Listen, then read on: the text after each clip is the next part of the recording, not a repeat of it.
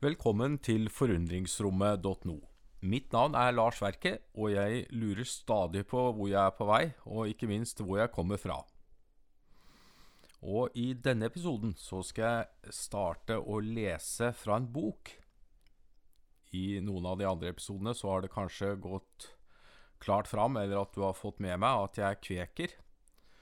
Det er et trossamfunn som er relativt lite i Norge, og jeg har lyst til å bruke en hel episode en annen gang til å snakke om det, så jeg kommer ikke til å si noe mer om det nå. Men hvis du er interessert i hva i all verden er en kvek for noe, så kan du følge en link i innlegget til denne episoden for å lese mer. Men altså tilbake til boka. Denne boka heter Himmeljorden og er skrevet av Per Ingvar Haukeland. Undertittelen er Om det av Gud i naturen, og boka kom ut i 2009 på Kveker-forlaget, som er et ganske lite forlag. Men hvis du er interessert i å kjøpe boka, så kan vi ordne det direkte fra meg. Først har jeg lyst til å si litt om Per Inga Haukeland. Jeg møtte han første gang i Bø for nesten 20 år siden. Da var han forsker ved Telemarksforskning, og jeg skrev en oppgave i eh, friluftsliv som het eh, Gud og natur ett kristent perspektiv, og intervjuet han i den anledning. Og før han jobbet som forsker der, så var Per Ingvar i USA og tok en doktorgrad i økofilosofi. Og etter det jobbet han som assistent til Arne Næss, og er blitt dypt inspirert av den norske økofilosofen. Sammen med Arne Næss så skrev han boka Livsfilosofi. Og han har også skrevet en bok som heter Dyp glede, som oppsummerer Arne Næss sine tanker, og som gjør de litt enklere tilgjengelig for oss vanlige folk. Men da tenker jeg vi gjør oss klar for å lese Himmeljorden sammen, og jeg kommer til å dele det opp i forskjellige episoder, så denne første episoden vil da være forordet. Så da går vi bare i gang. Her skriver Pringvar. Denne boka samler og utvider de tankene om kvekernes respons til klodens tilstand som har vært presentert i en serie artikler i det norske tidsskriftet Kvekeren i perioden 2007 til 2009. Hovedtanken i boka er at kvekertroen på det av Gud i mennesket må utvides til å omfatte det av Gud i alt levende og i naturen. En slik utviding har allerede foregått lenge blant kvekere verden over, og vil her forsøke å sette ord på hva jeg selv ser og erfarer. Jeg skriver naturen med stor N for å vise at jeg bruker ordet på en spesiell måte. Jeg erfarer at naturen ikke bare har en fysisk side, men også en åndelig side, og for meg henger disse sammen i hva jeg kaller himmeljorden. Det jeg ønsker å formidle med boka, kan oppsummeres som følger. Vi mennesker er ikke utenfor naturen, men innenfor, så utfordringen er hvordan vi kan være en skapende og ikke en destruktiv del. Himmeljorden er et uttrykk for den inderlige sammenhengen mellom det åndelige, himmelen, og det fysiske, jorden, noe som både er i oss og vi i det.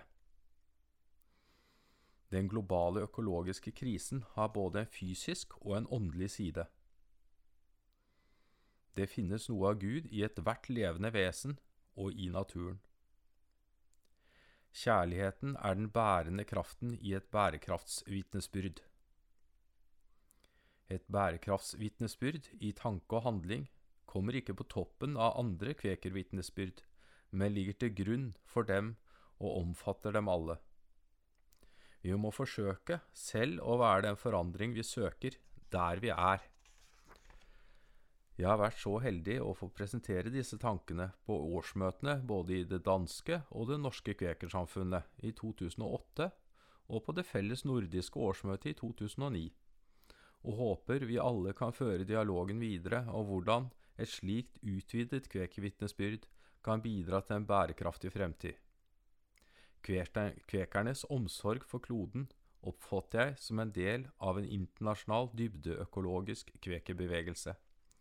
Jeg ser dette i lys av hva filosofen Arne Næss kaller dypøkologi og økosofi. Men gjennomgående i boka vil jeg bruke uttrykkene dybdeøkologi og livsfilosofi, for spesielt å fremheve noen sider ved Ness sin tilnærming.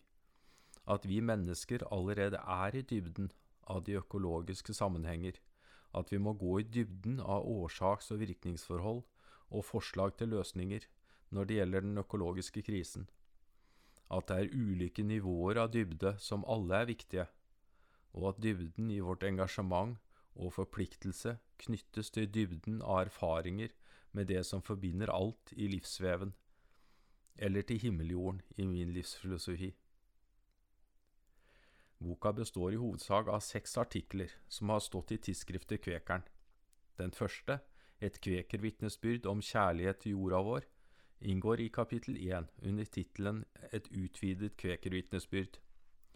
Og den siste, Kjærlighet til jorden, La ditt liv tale, inngår i kapittel 6 under tittelen Verden forandring du søker der du er. Kapittel 2, Himmeljorden, utkast til en livsfilosofi, er en ny tekst mens kapittel 3 sto i Kvekeren nummer 2 2008. Kapittel 4 og 5 i nummer 4 2008, og disse har bare fått mindre justeringer. I kapittel 7 presenterer jeg et forslag til noen grønne råd og spørsmål, og jeg gir avslutningsvis litt informasjon til videre studier.